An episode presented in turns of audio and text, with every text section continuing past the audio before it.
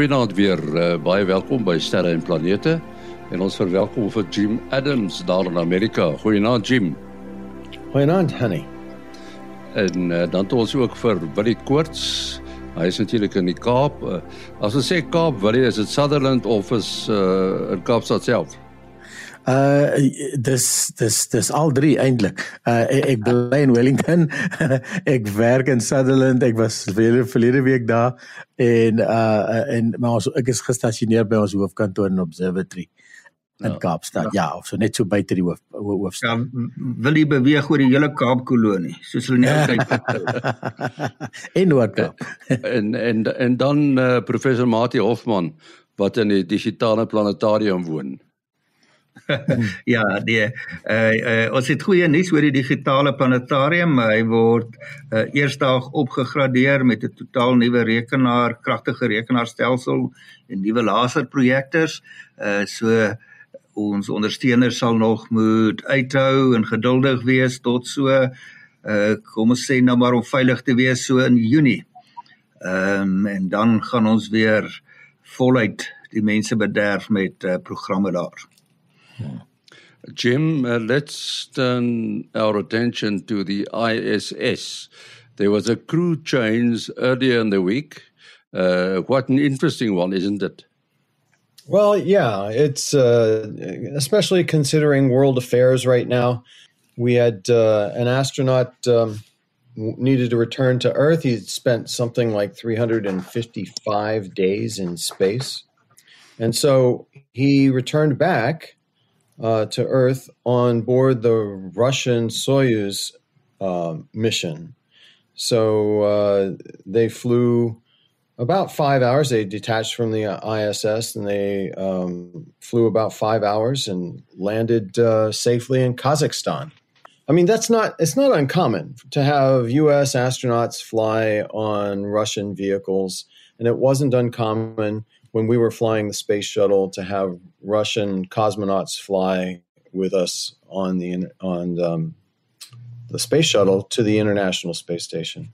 The thing is that um, for me, especially watching the the conflict uh, in Europe and Eastern Europe and um, and just the the alignment of nations these days, that you you still look at space exploration as uh, an opportunity to understand one another, to collaborate together, to cooperate together, and ultimately to work on the goal of global peace uh, for for everyone. And so I think it was very symbolic that the Russians brought our astronaut home and, and they did it professionally and it, you know they, they all landed safely and then they went their separate ways. So i think that was fan, fantastic news today. Mm. it, yeah. it's the international space station. That's why it's international. Yes it is international. I you know the other thing um, that i wanted to mention about visiting the iss so so the international space station is designed to to hold six or eight astronauts, and sometimes it grows to um, uh, ten or twelve because there's visitors. You know, the as one crew comes in to replace the existing crew, they only replace half at a time. So three will come in, and then three will leave. So sometimes you get a few more uh, people on board. So it can be a busy place, especially if you've got a crew change and then uh, a cargo ship coming in, like the um, SpaceX Dragon. And it's just going to get busier as uh, SpaceX also starts to do crew changes for NASA. And uh, ultimately, Orbital ATK is going to be flying uh, to the International Space Station as well. And ha- we have JAXA bringing up cargo vehicles uh, from Japan. So it's getting to be a very busy place. But one of the interesting things, um, is that this month marks the 20th anniversary of Mark Shuttleworth's um, first, well, well, it was his only space flight, but it was um, the first space tourist visit to the International Space Station. He uh, cut a deal with uh, Russia to be able to fly on board a Soy- Soyuz up to the space station. Spent about eight days in space, and then and then came back home. Uh, came back and ultimately returned to his life as an entrepreneur in South Africa. So 20 mm. years ago today, he broke that barrier of of um, people not necessarily having to be professional astronauts in order to fly in space. Soon after that uh, visit uh, of Mark Shuttleworth to the uh, space station, he undertook a tour of South Africa and visited many schools. He uh, also founded, uh, I'm not sure whether it was that same year or a bit earlier, the Shuttleworth Foundation, which still exists and made a big contribution through various funding uh, schemes to education in South Africa.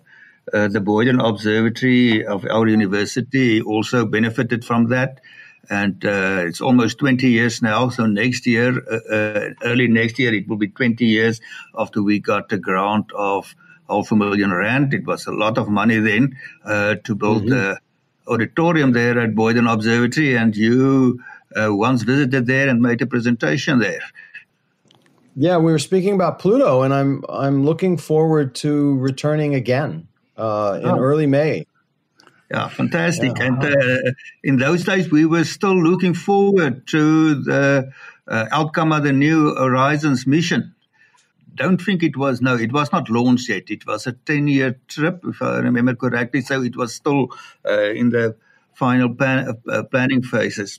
But uh, to come come back to your uh, story about the exchange of the crew, uh, I notice here that uh, the NASA Mark van der Hey spent 355 days yeah. on the space station, and that amounted to 5,680 Earth orbit, orbits and uh, Russian colleague. He was for the same period uh, in space, and that was his first uh, space mission, or his yeah his first uh, mission in space, and that's quite remarkable on your first uh, mission in space to spend 355 days there, almost a full year.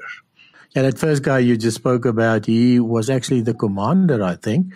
And there's a nice video on YouTube showing the handing, the official handing over of the uh, ISS key. It's a real fancy key. It looks like a brass uh, thing with all sorts of funny curls to it. I'm not sure if it fits anywhere. Uh, it almost looks like a, a key you, you, you find for, for a train. I know a train has got a has got a funny key sometimes to to operate it. Um, but uh, coming back to your um, to Jim's uh, mentioning about the re- relations, yeah, th- there was basically no no hard feelings. There's the, you know the, these these guys are up there. They're basically isolated, although they're in constant contact with the world, with the earth. There's, there's, it was a really, really good uh, uh, handing over ceremony, and and uh, so the American has now uh, taken over command again. Um, yeah, so so the, the the working relationship up there is is quite is, is quite good. And uh, Jim was saying, yeah, I count uh, ten people there. of course, that was before Wednesday when when three of them left.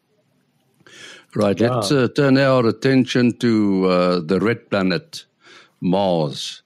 Uh, the Ingenuity helicopter, that's uh, Japie's little toy. It's, it seems it's doing very well, Jim. Yeah, this is uh, typical for NASA space missions, and um, we design them to last, you know, like in the case of Ingenuity, I forget what it was. It was supposed we would call it a success if it if it flew three times or so. And here it is uh, 90 days later and it's still flying, which is, uh, you know, just fantastic uh, testament to the engineers that designed the thing. Obviously, it's not outfitted to do um, a mission of its own, but I, I have to imagine it's kind of tagging along with uh, Perseverance and will continue to tag along with the rover as long as it can. So. Yeah, it's done. It's done 20, uh, 21 flights now, if I if amazing. I'm not mistaken. Yes, uh, um, really yeah. amazing.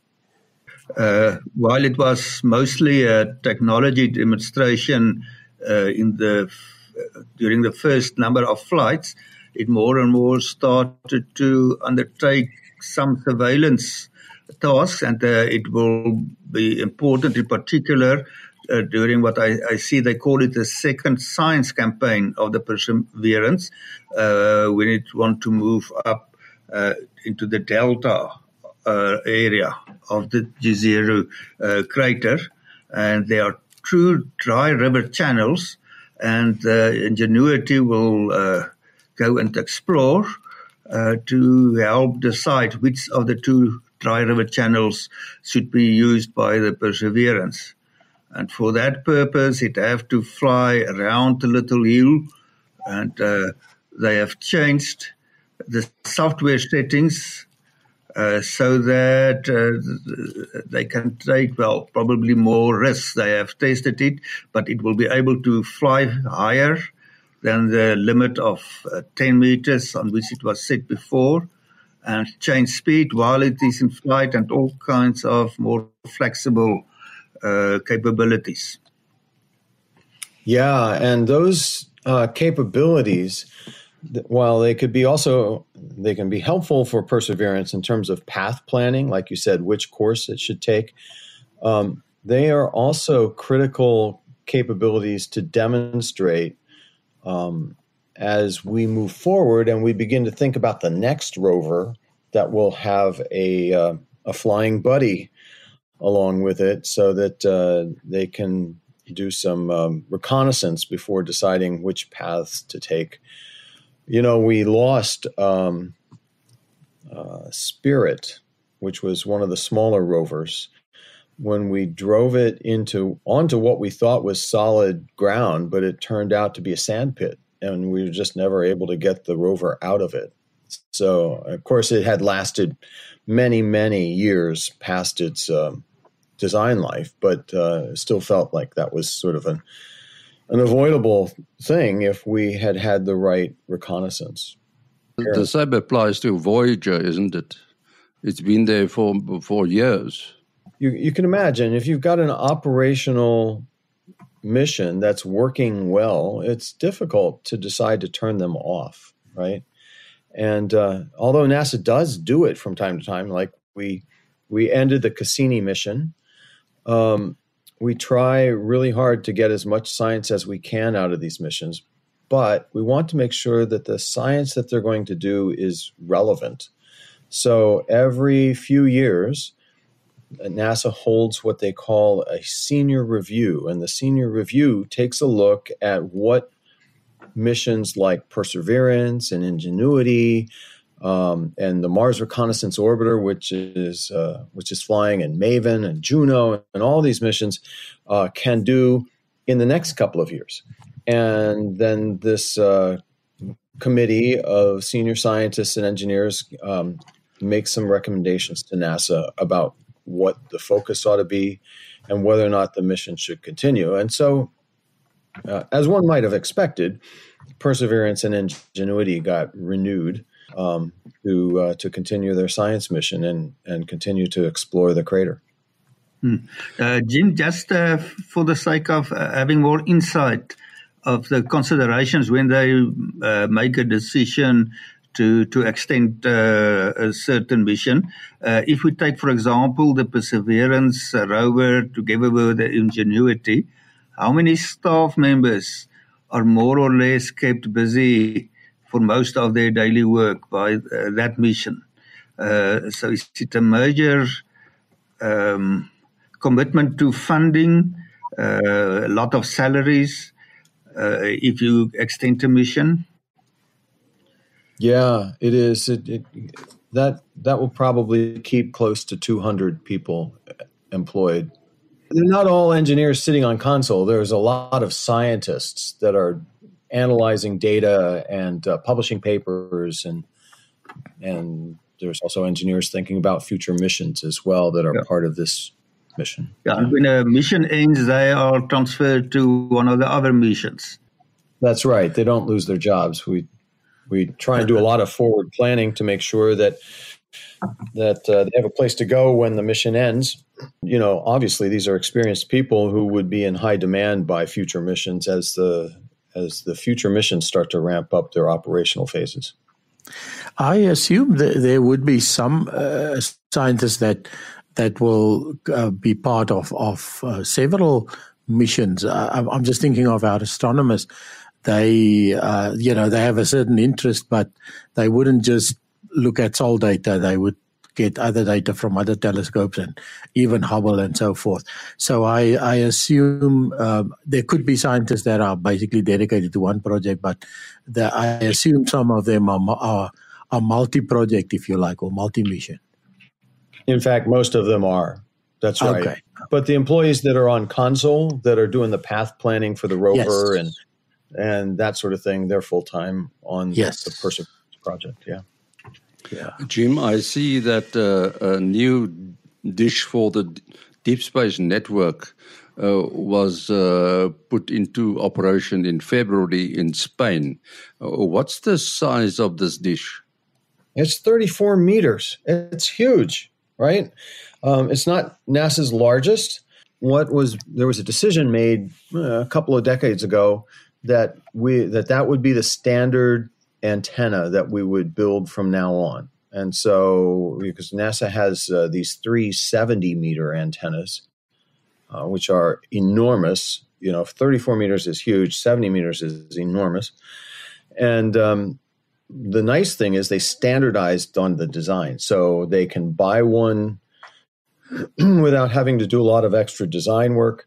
And they can um, put them up pretty quickly and they buy them from a variety of vendors uh, and then they use the local labor to, to set them up. So one might say, well, but a 70 meter might be more efficient at collecting signals, say, as you mentioned, Voyager, right?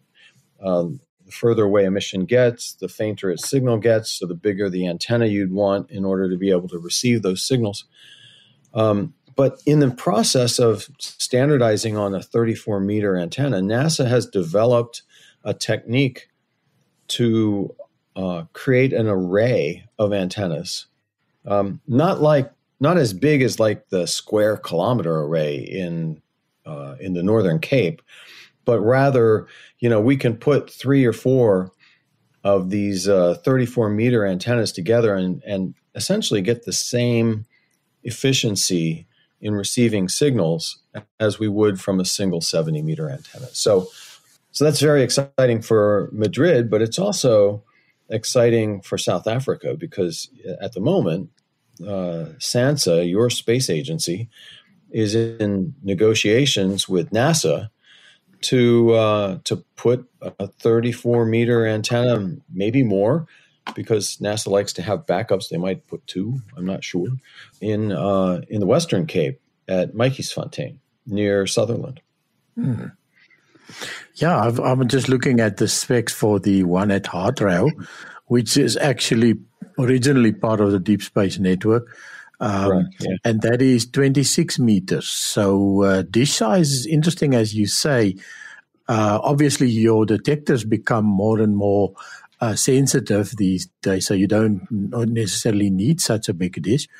And and then uh, I remember uh, once uh, being in a in a talk uh, in the beginning of of uh, uh, the SKA or, or what was meer or cut then Array telescope which was seven dishes originally and it got uh, expanded to Meerkat uh, 64 dishes. There's a there's a sum you have to make on on if, especially if you're going to mass produce them. Um, as you say, if you try and make them too big, then they become very expensive and hard to keep up, etc. So um, I think they're in the 15 meter range. Uh, so yeah, it's it's always interesting, as you say, the the this size um, becomes uh, more clumsy. It's got more wind resistance. It becomes heavy, etc. Uh, so yeah, it's an interesting sum that you make uh, for a dish size. Hmm. Yeah, it is, and the 26 meter antenna has a lot of history too. So it was designed to communicate with the Apollo astronauts at the moon, right? So they're mm. going to the moon. coming back. And so uh, it didn't need to be as big as has a 34 meter antenna, which is really optimized for communicating with Mars. So the 26 meter antenna uh, has its history, you know, all the way back to the 60s. Uh, and today it has a life as a radio astronomy antenna. Um, yes. Working, working at HartRAO. yeah. Yeah. I notice, uh, Jim, I noticed that uh, the addition of this one dish. Uh, increase the capacity of the network, uh, the deep space network, by 8%. And they state it means 8% more science. And they also yeah. state that one, one of the missions that will benefit from, from this increased capacity will be the Europa Clipper mission. Now, that's not a Europe Clipper mission, but a Europa Clipper mission, uh, which means a mission to the moon Europa uh, of uh, Jupiter.